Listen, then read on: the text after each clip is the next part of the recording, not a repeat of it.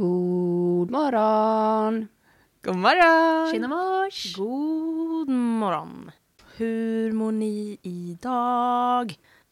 Fin, fin, tack. Tackar som frågar. Varsågod. Idag är ett eh, efterlängtat frågeavsnitt inplanerat. Ja, kul att få svara på frågorna som har ställts. Det är ju en del frågor som har kommit in efter lite olika avsnitt som vi tänkte lyfta idag. Och från vår lilla frågelåda vi la ut på Instagram. Ja, precis. Och vi kanske inte hinner lyfta allt idag, men det vi inte hinner med idag. Den som väntar på något gott väntar aldrig för länge. Det är vårt Exakt. motto här i Gärna djurstudion. Ja. Men ska vi säga vilka vi är i studion idag? Idag är vi Mange. Linan. Moa. Och Hasse, fulltagliga! Nu kör vi! Nu kör vi!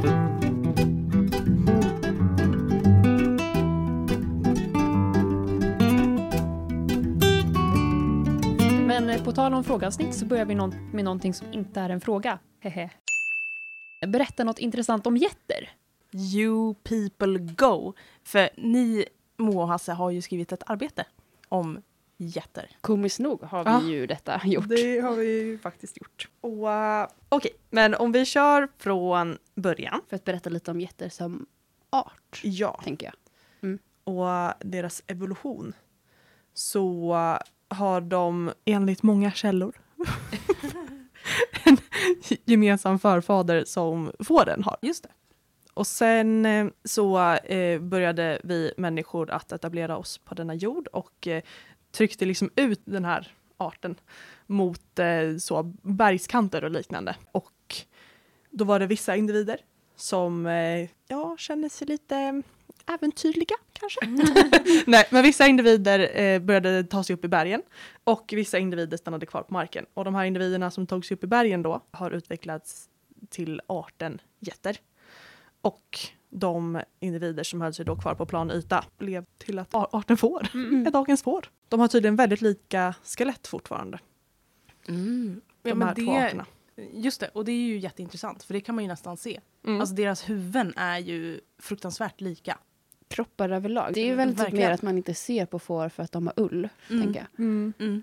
Och getter har också utvecklat en, eh, ja, ett typ fettlager under huden som gör så att de kan se lite liksom eh, tanigare ut även Mm. fast de inte är undernärda. Just det. Eh, Men vad kan man se för olika artspecifika egenskaper då i de här två olika arterna som liksom är i förklaring till eller att det förklaras av den evolution som de har genomgått då?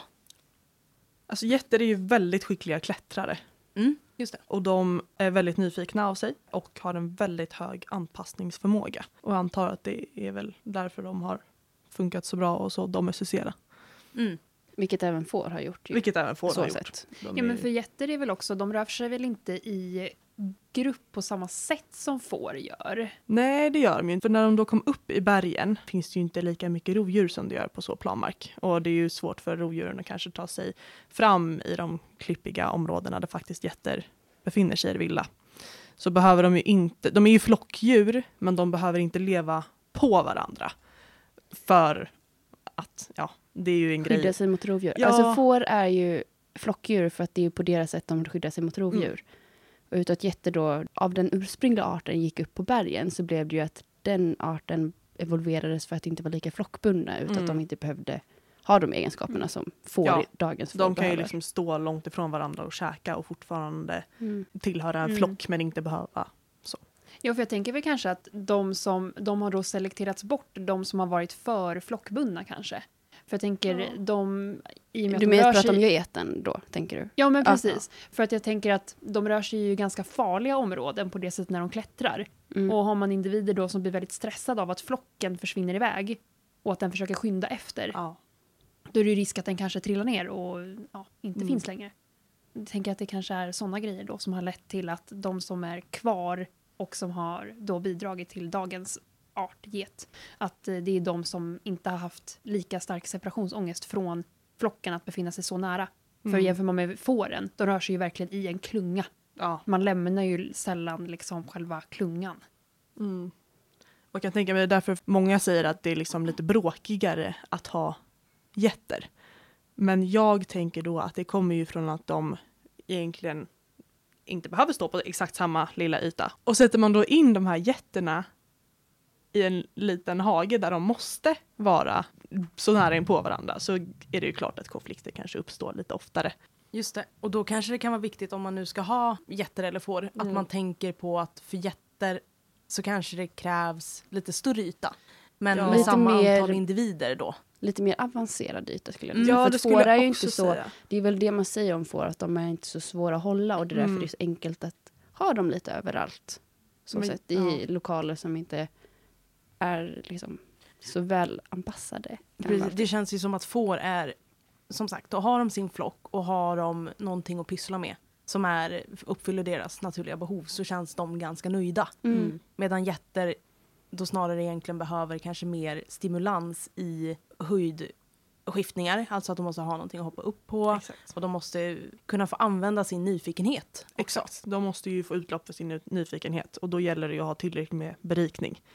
Och jätterna, alltså när de flyttade upp i bergen så fanns det ju inte lika mycket att käka som på marken. Så Just de det. är ju liksom mer buskätare och sån växtlighet som kan faktiskt växa på berg och så. Så de behöver ju mycket grenar och så att tugga på. Vilket också är en väldigt, en ypperlig berikning att eh, kasta in. Och sen eh, har vi ju då träning av getter. Ja, Det har vi ju faktiskt alla gjort här i studion. Ja. För några veckor sedan så var vi med eh, en kurs och tränade getter på Valla här i Linköping. Fantastiskt roligt. Fantastiskt Men kul. fantastiskt svårt. ja. ja men eh, alltså faktiskt, för det är ju ändå, man kan ju tänka sig kanske rent spontant. Jag personligen hade väl aldrig reflekterat över hur det skulle vara att träna en get. Men det var ju väldigt lärorikt. Mm. Mycket. De är väldigt lättlärda och väldigt snabba. Du behöver ju vara snabb med leveransen, så förstärkningen. Eh, Samtidigt Belöningen. Som, belöningen. Samtidigt som du inte får ge för mycket heller. För getter blir snabbt mätta. Och, Mm. Och sen så är de duktiga på att tappa intresse om man Ja. inte är tillräckligt snabb med att ge Exakt. belöning. Mm. Men jag var ändå liksom, även om man behöver vara då snabb och hitta liksom ett flyt i träningen och leveranssystemet och ge belöning och alltihopa. Men att jag var ändå eh, positivt överraskad över hur villiga de var att träna. Mm. Verkligen. Och att tyckte mig kunna se när vi var där väldigt mycket observationsinlärning. För Ja. det var ju liksom en grupp, med, eller en flock då, med getter i den här hagen. Och vi skulle ju bara försöka få ut då liksom en individ att träna med. Och att det var många som bjöd på det beteendet. Trots att de inte ville ha belöningen. Alltså när jag och linan då skulle träna. Och att man då, för vi använde oss av en target då som de skulle röra mulen på. Och att när vi kämpade med att försöka liksom få ut en get från gruppen så var det många som ändå kom fram och testade. Och sen var de inte så intresserade av våra eh, belöningar så det fick vi fixa sen då. Men att det, det var så intressant att se att jag tänkte verkligen på det. att Det var många som kom fram, bjöd på beteendet och sen så bara mm, nej det där vill jag inte ha så går jag därifrån. Så kom det en annan och gjorde exakt samma sak. Så det kändes som att de förstod att någonting verkligen var på gång, någonting spännande Mm. och så testade de och så tänkte de nej det var inte så kul. Och sen Mm. kunde de ibland komma fram igen och testa, nej det var inte så kul och gick därifrån. Mm. Så det var ja, väldigt spännande faktiskt. Och jag tänker där kan det också finnas evolutionära förklaringar. Just i det här då om man befinner sig i en grupp som är ganska utspridd så är ju just den grejen att kunna titta på andra individer. Och det kan man göra på ganska långt avstånd och lära sig av andra. Det är ju en gynnsam fördel. Och det kanske är en förklaring till det vi såg när vi tränade getterna då. Mm. Ja, för att alltså observationsinlärning, jag tycker bara det är så intressant de gånger man faktiskt får se det själv Mm. med liksom egna ögon. För jag tycker att det är, jag tänker att det är väldigt många arter som ändå besitter den förmågan att titta på en annan individ och göra samma sak. Men just att få, de gånger man verkligen får se det hända, jag tycker, jag blir alltid lika fascinerad. Getter har även ett bra långtidsminne. Om ni vill veta. Just det, viktigt. Vilket troligtvis de flesta djuren har. Men ändå, kul att lyfta.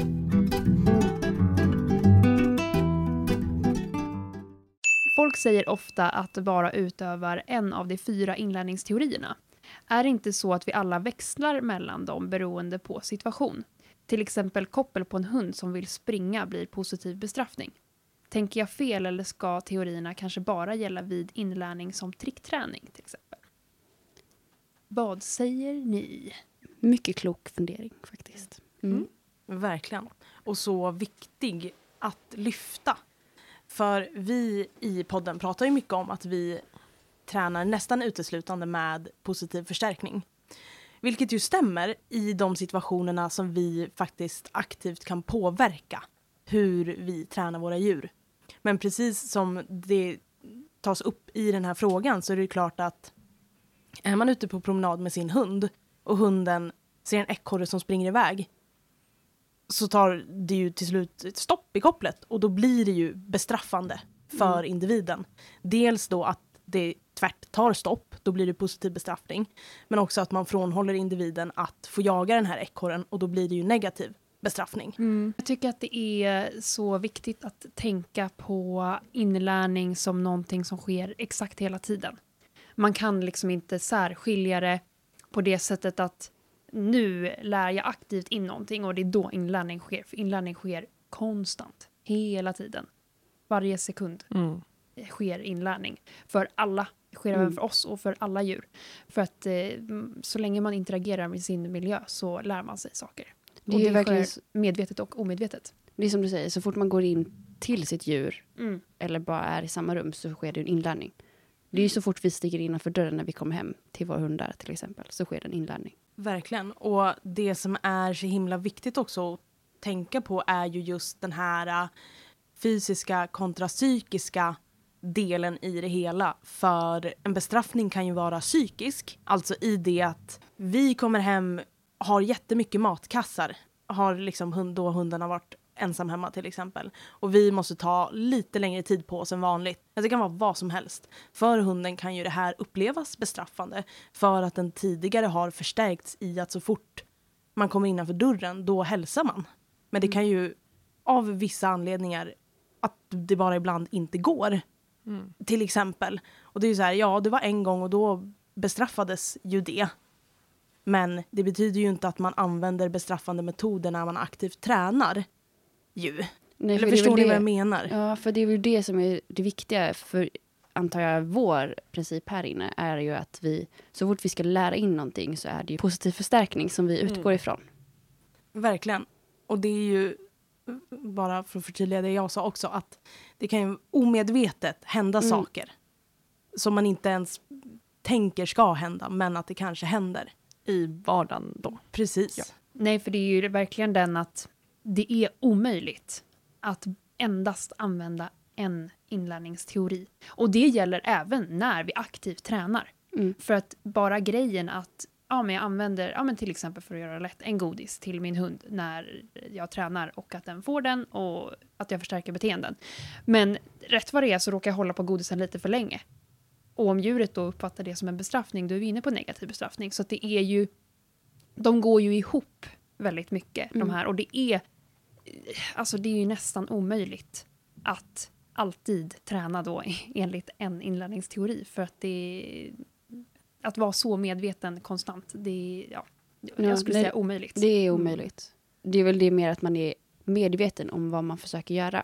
Ja, för det tror jag är jätteviktigt Mm. att vara väldigt medveten om att alla inlärningarna sker och om man använder sig av allihopa någon gång hela tiden. Liksom. Sen får man ju för, såklart vara medveten och försöka undvika bestraffande metoder så mycket man kan. Ja. Men med hundarna så vi lever ju så nära in på varandra. Det blir ju en vardag. Mm. Det är som ni säger omöjligt att inte hamna där någon gång. Men man får väl försöka tänka efter lite på Ja, vad man gör. För det tycker jag också är att man kan tänka på just att till exempel om man jämför att ha häst och hund. Att har man häst kanske i ett stall där man åker till, då befinner man sig där lite mer begränsad tid. Då kanske man har möjlighet att i större utsträckning utesluta vissa av de andra principerna och att Mm. kanske nästan uteslutande använda positiv förstärkning. För att man är där en begränsad tid, man kan vara lite mer fokuserad. Men en hund som man har hemma, det blir ju mycket svårare för att man är i varandras närhet så mycket. Men jag tänker om man ska koppla in buffertnivå med, här, då med häst och hund, det är bara en fundering jag har. Jag tänker att det kanske är viktigare med häst, utan att man är där så begränsad tid, att faktiskt använda positiv förstärkning Utan att man inte bygger upp relationen på samma vis som man gör med en hund som man faktiskt lever med. Mm. Mycket viktigt. Verkligen. Och också den här grejen att, som vi ju har varit inne på nu, att man kan ju åka till stallet och bestämma sig för att okej, nu ska vi eh, träna på det här, jag och min häst. Och så går man ut, preppar allting, går ut i hagen och tänker att man ska träna på det här. Och visar det sig att hästen inte vill, då kan den ju bara gå därifrån. Och då är det ju no harm done. Liksom. Mm. För då kan man ju uteslutande arbeta med positiv förstärkning. Mm. Utan att egentligen stöta på några problem i det. Sen så för att förklara det jag sa innan. Det lät kanske som att man bara inte behöver tänka på hur man hanterar sina hundar för att vi lever med dem. Men det var inte så jag menar. Utan det är såklart medvetet där också att man måste veta vad man gör. Men buffertnivån och antal timmar som man spenderar med sina Mm. djur skiljer sig. Mm, verkligen. Och jag tänker också just med hund, bara en vardaglig grej. Vi alla är ju hemma och pluggar en del. Och jag har ju upplevt många gånger att eh, Kenzie där hemma ibland vill ha uppmärksamhet eller göra någonting eller vad som helst. Men att det inte alltid funkar varje gång. Och då måste man ju tyvärr vara så att nu ska jag plugga. Mm. För annars hade vi ju varit ute och traskat liksom hela dagen. Om Kenzie hade fått bestämma. Så det är ju klart att det händer. Men Ja. som sagt, i allra största möjliga mån där vi människor kan påverka så ska man använda positiv förstärkning, Tycker vi. Tycker vi. För Rent är ju, etiskt tänkt. Ja, för det är ju liksom ett sätt att oavkortat egentligen påverka välfärden för våra djur. Men som i frågan då, så stämmer det alldeles riktigt att allt händer.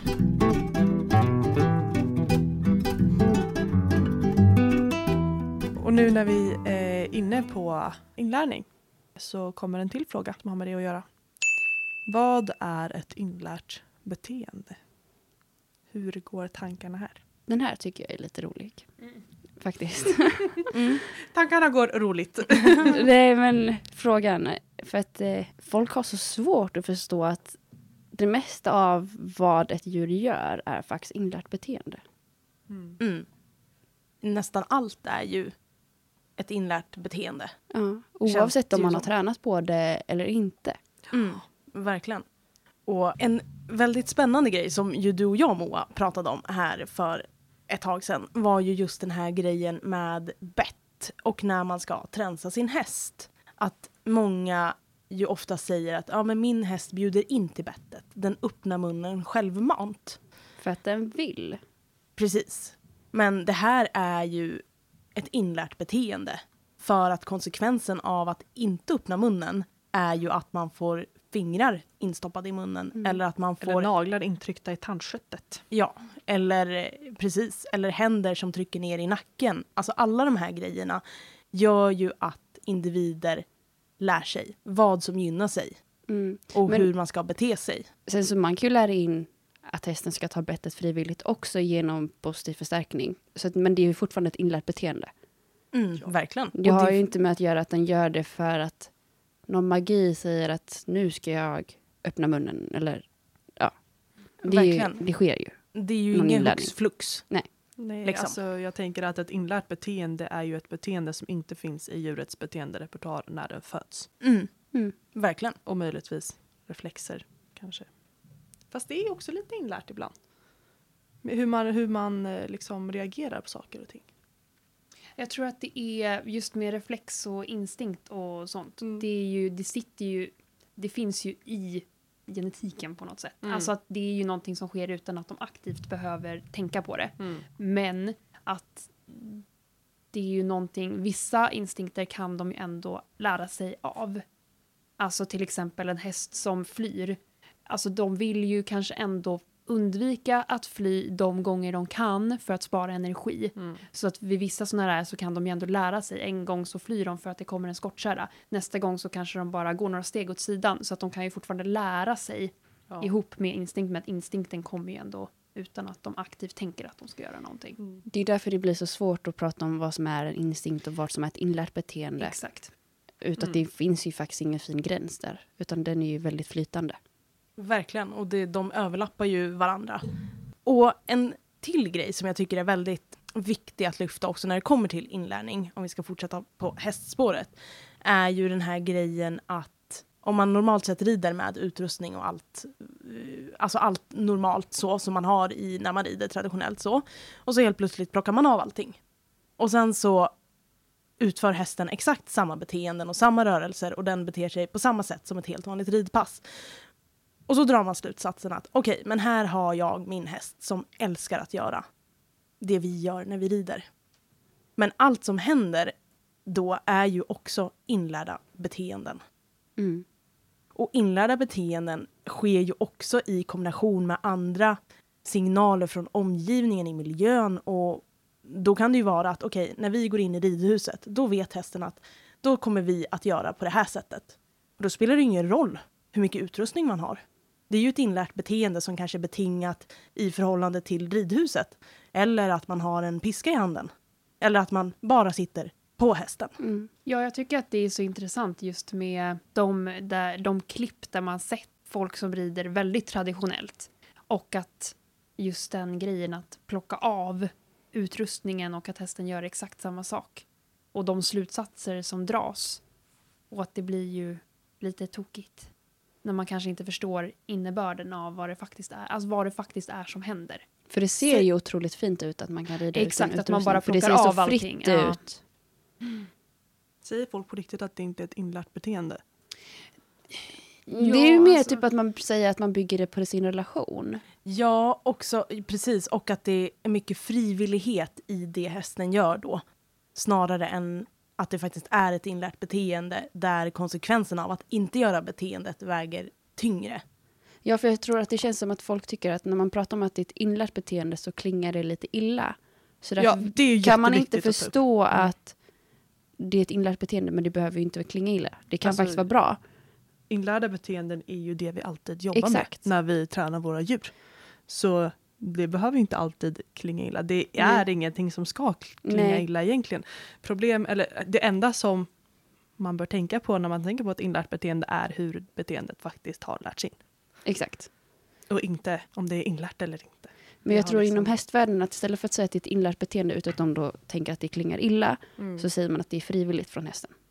Men ofta, ja precis, och det blir ju väldigt komplext. Men det är ju många när det kommer till just ridsporten att det är så här, ja vi är i harmoni med varandra, vi gör det här och det finns känsla och det finns massa En sådana... kommunikation. Ja, precis. Men återigen, det som händer är att när man tar en förhållning, en halvhalt, vad som helst, då har hästen lärt sig vad den ska göra. Det är liksom inte någon magisk kommunikation som sker på det sättet. Det kan ju vara väldigt subtila signaler vi arbetar med, vilket gör att det ju ser ut som att man gör ingenting, man har magkänsla och man bara tänker att man ska fatta galopp och så gör hästen det. Men vi gör ju ibland kanske undermedvetna saker som gör att hästen får en signal för ett beteende. Där tycker jag också att det blir återigen problematik i vad man använder för språk, vad man använder för ord för, för saker och ting. För att man brukar ju kunna säga att man frågar hästen saker. Att man frågar om en halvhalt, att man frågar om ett visst beteende. Men att egentligen så är det ju att man säger till för att det finns ju, när man tittar på den traditionella ridningen, tittar man tillbaka så är det ju oftast ändå byggt på bestraffning. Att om man inte, om man frågar en gång och man inte får något svar, då frågar man lite hårdare nästa gång. Så har det i alla fall varit när jag har ridit traditionellt. Men det är ju just för att man kommer till den punkten att man ändå kan göra väldigt, precis som du sa, väldigt små subtila signaler. Så känns det ju som att man frågar ju bara hästen om kan du göra det här? Och så gör hästen det. Och så tycker man att det är jättebra och jätte, liksom, toppen för att nu har vi en så fin kommunikation. Men att bakgrunden till det, historien till det, är ju kanske det som spelar in snarare. Mm. Och då är vi återigen i diskussionen hur saker och ting lärs in. Mm.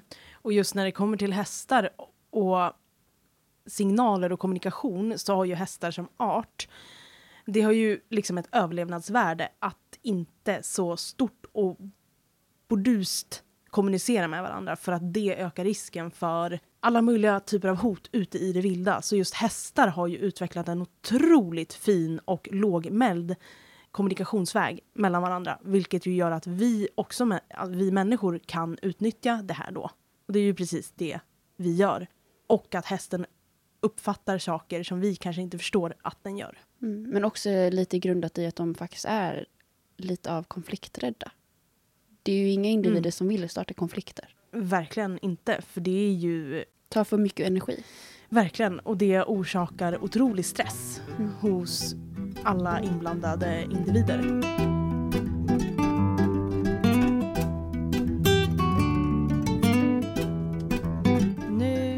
Hoppar vi in på morrhår.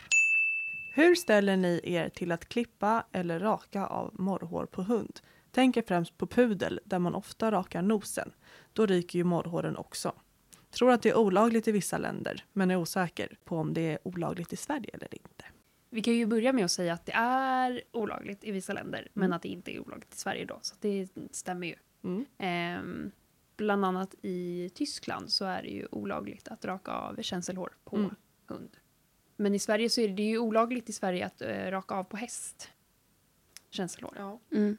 är det ju, men inte på hund då. Och vad det beror på Det är lite ju- spännande faktiskt att eh, det fortfarande är lagligt i Sverige. Mm. Jag tror att det ligger väldigt mycket tradition i det. Jag tror också det. i liksom med utställning och att det ska se ut på ett visst sätt. För att det är ju såklart att om man vill att de ska se ut på ett visst sätt när man ställer ut och att man då tycker att det ska vara kortpäls och att det Mm. behöver då rakas. Det är lite bökigt att raka runt alla morrhår. Nästan att man- omöjligt faktiskt. Ja men precis. Och att man kanske också tycker att det är snyggt att det inte är några morrhår. Ja, för att de syns ju. De är ju lite grövre. Jag tycker ju verkligen i den här frågan att det är så himla viktigt att tänka på dels då för det första att morrhåren finns utav en anledning. Mm. Det, de ska vara där. Men också att det ju faktiskt är ett sinnesorgan som hjälper djuret att navigera och hantera sin miljö. Ja, så mycket riktigt. Jag, und- alltså för jag undrar också hur det... Jag tänker att det ändå borde påverka ganska mycket att bara plocka bort ett sinne på det sättet. Mm. att... För jag menar, vi har ju inte morrhår, så för oss blir det ju... Vi kan ju aldrig sätta oss in i den situationen hur de upplever världen genom sina morrhår. Exakt. Och det är nog därför också vi har så svårt att förstå varför Mm. syftet finns för Mm. dem. Det är ju en annan sak om vi hade tagit bort ett öga på en hund till exempel. Mm. För då hade vi mer kunnat relatera till att det är synd om den för Mm. att den kan bara se med ett öga nu. Mm. Men med morrhår så kan vi inte uppleva. Mm. Det är nog därför också det blir så svårt att förstå varför man måste ha kvar dem. Eller varför Ja, men det är så fel att ta bort dem. Precis, för där jag tror ändå att det är mycket med igenkänningsfaktorer här. Alltså till exempel då, för att ta ett väldigt färskt exempel med den här ponnyn i Danmark som var, fick tungan bortopererad för att den stack ut tungan och att det störde på dressyrtävlingar. Den fick mindre poäng. Ja, det är riktigt fruktansvärt. Men där har vi ju en annan förmåga. Alltså nu är det ju kanske stor skillnad då på att operera bort en tunga och att klippa bort morrhår. Men jag tänker att det ändå är, det ligger ju i att där kan vi ju sätta in oss in i situationen. Hur Ja. hade vi känt om någon hade tagit bort vår tunga? Mm. Mm. Men det är väl också lite det här, vi människor använder ju vår tunga för att prata. Mm. Hästar gör ju inte ljud ifrån sig Nej. på det viset. Precis. Nej, men Man tänker så- att de inte har samma nytta av tungan kanske. Jag vet Ja, inte. du menar så. Ja. Och jag tänker också det som är så himla viktigt när det kommer till morrhår är ju att när man har tittat på råttor och möss som ju har morrhår så har man ju sett att varje separat morrhår leder till ett eget centra i hjärnan. Mm. Och hjärnan är ju plastisk, alltså i det att beroende på hur man använder den eller vad den utsätts för så kommer den att förändras ut efter det då. Och då tänker jag rent spontant att tar man bort morrhåren som ju leder ganska oavkortat till hjärnan då. Det är klart att det kommer ske neurala förändringar. Mm. Och hur påverkar det individen sen då? Så det är klart att det kommer ha permanenta effekter om man tar bort ett sinne som rent krasst ändå tar upp ganska stor del av de neurala eh, processerna i hjärnan. Ja, och jag tycker att det är intressant just med att fatta sådana här beslut och kanske inte tänka igenom vad det skulle kunna ha för konsekvenser. Mm. För det vet vi ju inte riktigt vad det har för konsekvenser. Vi vet inte hur hunden upplever det här. Vi vet inte om det kanske är konsekvenser i det långa loppet. Liksom, med de här neurala förändringarna då som antagligen sker om hunden då fattas de här morrhåren. För jag tänker i det långa loppet, det kan ju ske en personlighetsförändring. Som Definitivt. kan bli negativ för individen själv. Verkligen. Då dels att det faktiskt händer fysiologiska förändringar men också att individen ju måste modifiera sina beteenden för Mm. att kunna hantera sin miljö utan det här sinnesorganet. Som ju är till för att finnas av en viktig funktion. Och för, hos hästar då till exempel så används ju de här uh, känselhåren vid nosen för att navigera sig i sin absoluta närmaste miljö. För att hästar har ju en blind spot precis vid mulen då. Och de är ju jätteviktiga för hästars sätt att navigera sig. Och hos katter så är ju deras morrhår väldigt viktiga för när de jag jagar. Hade de inte haft sina morrhår då hade de ju definitivt varit sämre jägare. Och det som är intressant här nu då, eftersom att det är olagligt på alla andra djur förutom hund, att det det? pratas ju inte... Ja, hästar är ju olagligt på. Ja, ja men katt. Nej, det kanske faktiskt inte är det. Men det är Eh, inte men- så ofta man hör talas om att man klipper morrhår på katter. Precis. Och då undrar jag, är, är det i förhållande till att man har så lite kunskap för vad morrhåren gör för hunden? Jag tror det. Alltså det finns ju inte sådana studier som det gör på, den här, på de här mössen. Sådana stora studier finns ju inte på hundsidan vad jag har kunnat hitta i alla fall. Det enda jag hittar om morrhår är att man kan ta samples därifrån eh, för att få ut andra biologiska markörer. Och jag tror att det är kanske viktigt för framtida forskningsprojekt att faktiskt kolla upp vad morrhåren har för funktion hos olika arter.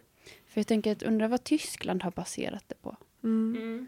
För de måste ju ändå ha fått igenom lagen av en anledning. Mm. Att det grundar sig i att det faktiskt finns en betydelse för att de finns kvar. Exakt. Mm. Ja, för att lägga till en sån lag känns Mm. som att det verkligen ligger någonting bakom det. Så att det här kanske vi får återkomma till. Eller om någon annan vet det. Ja, Hör av er.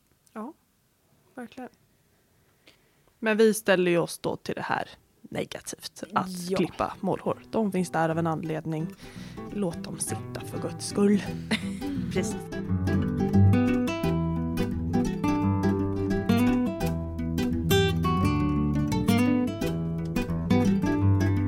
Okej då gänget. En dagen!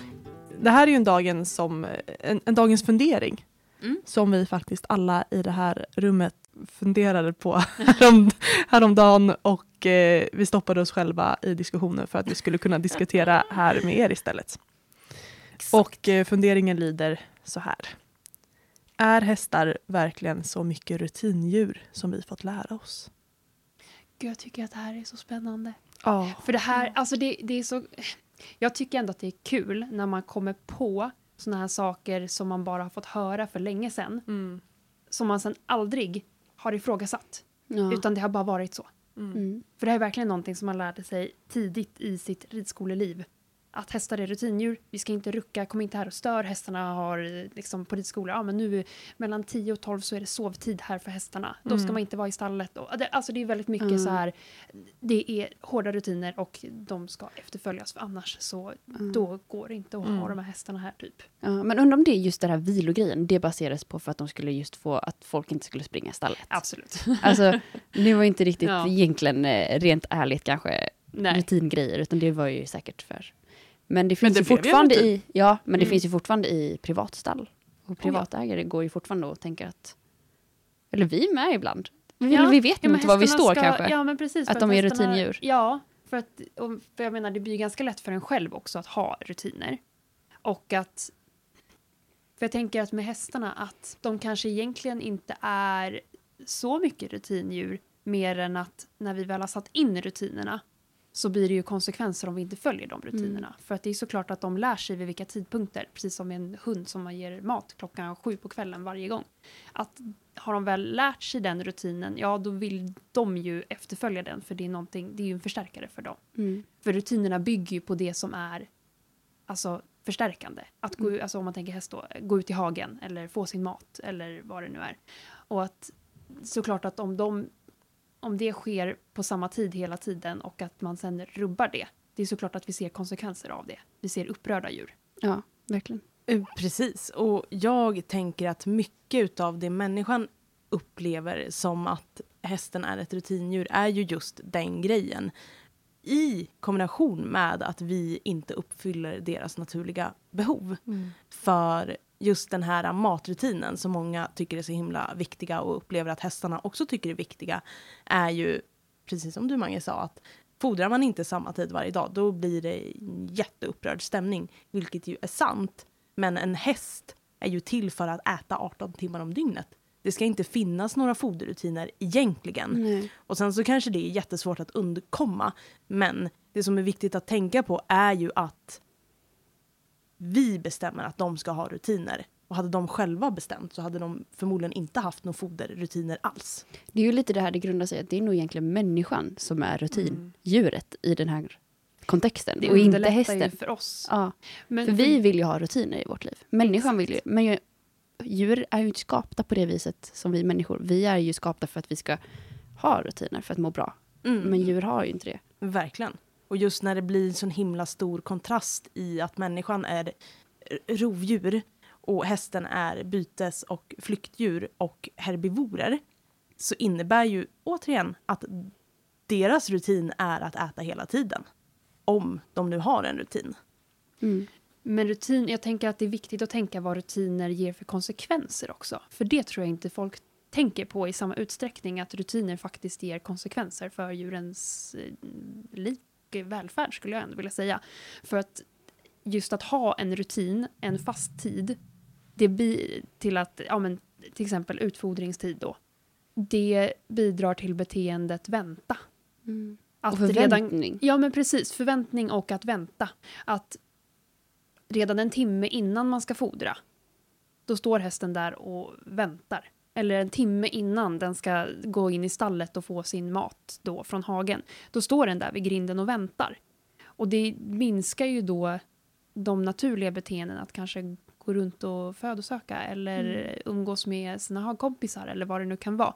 Att just stå och vänta. Och det kan ju också lätt om de inte har, om de till exempel står i en liten hage och inte har någonting att göra så kan ju det här vänta-beteendet också ske ännu tidigare. Kanske två timmar innan redan. För att den har inget bättre för sig än att stå Mm. och vänta på att få gå För in. att vi behåller det, eller vi Mm. be, begränsar. Eller, Ja, ja, men vi håller inne på deras Exakt, resurser. tack. Mm. Och det här väntande och förvänt förväntande beteendet, alltså det är liksom så här, det kan övergå väldigt lätt i frustration, som vi också har nämnt.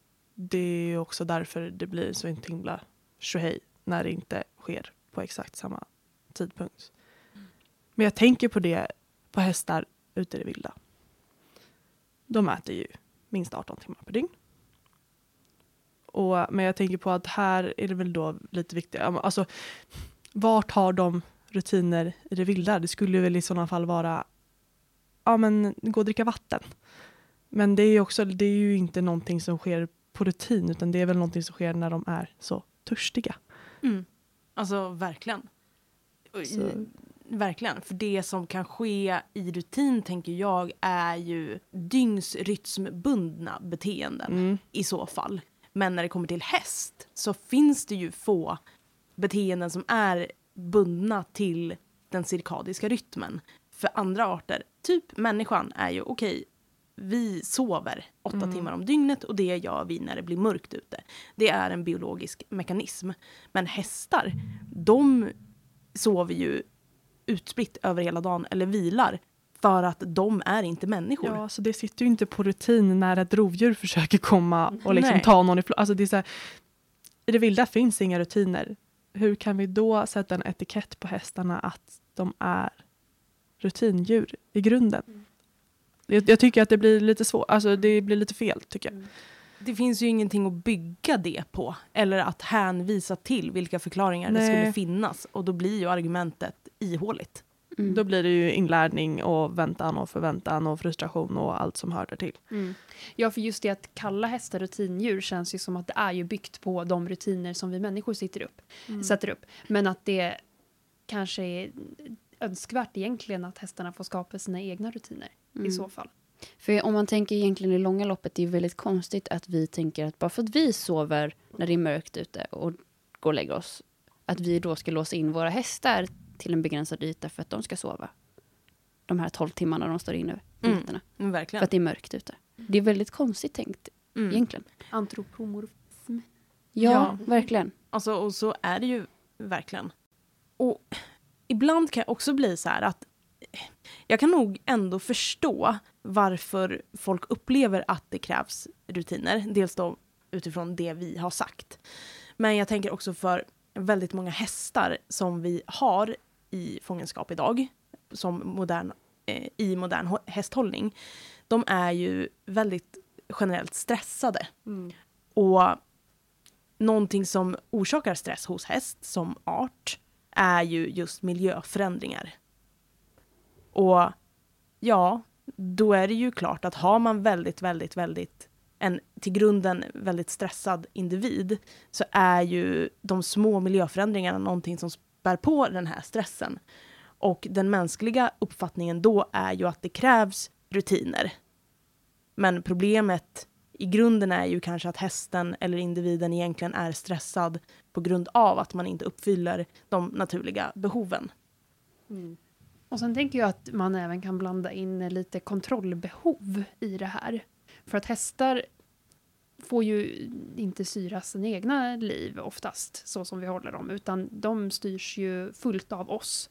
Vart de befinner sig någonstans, när de får mat, när de får komma ut, när de ska ridas, alltihopa. Det Vilka de ska gå med, om de ska gå med någon ens eller om de ska gå själva. Och rutinerna som skapas är ju ändå, även om det inte är uppsatta av dem själva, de här rutinerna, så bidrar det ju ändå till att de känner att de är lite i kontroll av situationen. Att de vet ändå vad som kommer att ske. Och att det är ju en känsla av kontrollförlust om helt plötsligt de här rutinerna rubbas. Så det är såklart att rutinerna behövs nog, men att utifrån de rutiner som ofta då sätts upp och sen kallar de rutindjur, det kanske är någonting som man får fundera lite på.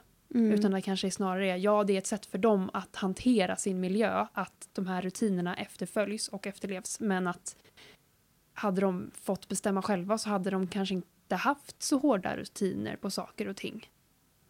Exakt. Ja. Och den här uppfattningen tänker jag sträcker sig ut över väldigt många andra arter och djur också. För det känns som att det är ett mänskligt koncept, som du Moa sa, att rutiner, det tycker människan om. Och då tänker vi att då gör nog djuren det också. För jag skrev ett arbete om nötkreatur. Fun story. Jag trodde inte att arten hette nötkreatur. Och det här har fått så mycket skit för av, fun fact. för, av Hasse och Moa och Mange. Ja, så att numera vet jag att det heter nötkreatur och inte arten kossa. Åh, jag dör. Okej.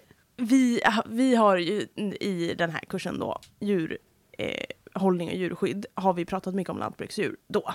Och så skrev jag ett arbete om kossor i vår andra kurs. Eh, och i djurskyddskursen då så hade vi en föreläsning om nötkreatur där föreläsaren berättade att, eller bekräftade snarare, det vi hade pratat om på vårt studiebesök på mjölk eh, i mjölkindustristall då.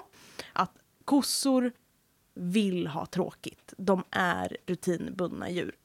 Och då tänkte jag, när jag skulle skriva mitt arbete, att det här ska jag titta, kolla upp. Motbevisa. Ja, och det stämmer inte. På samma sätt som för hästar då, så upplever man nog att kossor tycker att det är bättre om det finns rutiner. Men på samma sätt, de är ju herbivorer, de käkar gräs. De har ett födosöksbeteende som liknar hästens. Man går runt och letar mat. Det finns ingen rutin i det. Men det man har sett hos kossor är att de faktiskt sover främst, eller vilar främst under natttid då. Så de har mer utav rutiner som ändå delar upp beteendena mer än hos häst. Men inte i den utsträckning att man kan hålla kossor som vi gör idag och påstå att de tycker att det är bra att ha tråkigt. Förstår ni vad jag menar? Ja. Det blir ett tänk- förmänsklan, förmänskligande av djuren. Att säga Ja. att de tycker att om att ha tråkigt. Och För de vet ju inte om vad tråkigt är. Nej, alltså för jag tänker att det är också... Fast det brukar man kunna prata mycket om med djurtristess. Alltså Ja. många djur upplever tristess. Men det är inte så och att de säger att jag tycker att det här är trevligt. Trevligt. Ja, för det var väl det, att de tyckte att det var trevligt och tråkigt. Ja, just det. Ja. Mm. Precis. Verkligen. Och jag tänker att en stor anledning till det här är ju, det har nog inte gått någon obemärkt förbi, att vi tar ju kalvar från kossorna i, efter ett dygn. Och just moderlig deprivation gör ju att stresshanteringsförmågan i, alltså när man är eh, vuxen, den är ju nästan obefintlig. Och då är det ju samma princip här som för häst att okej, okay, miljöförändringar orsakar ju naturligt stress för att det kan vara tecken på rovdjur. Men just när det kommer till att man har dem i fångenskap och gör de här små förändringarna i miljön i förhållande till att de aldrig har fått leva med sin mamma gör ju att vi uppfattar det som att de vill ha jättestarka rutiner. Fastän problemet egentligen ligger i att de har utsatts för moderlig deprivation. Ja, det är sånt här som stör mig. Alltså just att man sätter etiketter på saker och ting för att täcka upp mm. någonting som vi, ett problem vi orsakar. Och sen så säger vi, ja, de är rutindjur. Ja, alltså absolut. Det är väl såklart att man kan, de skulle ju absolut kunna vara det till någon grad. Men vi styr ju exakt hela deras liv. Och att de kanske inte hade haft lika starka rutiner om de hade fått bestämma själva hur deras liv såg ut. Och fått utlopp för alla deras naturliga beteenden och leva på det sättet som de vill. Då kanske vi inte hade sett lika starka rutiner. För jag tänker att skillnad, det bör ju ändå finnas en skillnad för ett köttdjur av nötkreatur brukar ju befinnas utomhus. Brukar inte hållas i stall på samma industrisätt.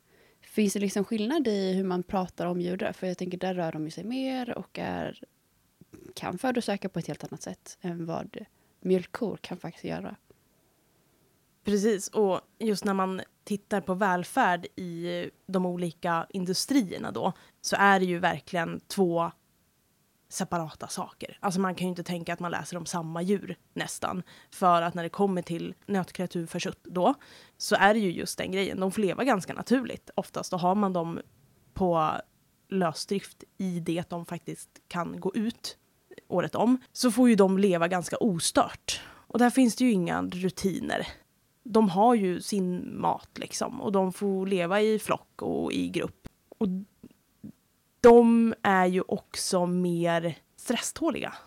Mm. Alltså för att man lägger sig inte i lika mycket i deras naturliga system när det kommer till flockstrukturer.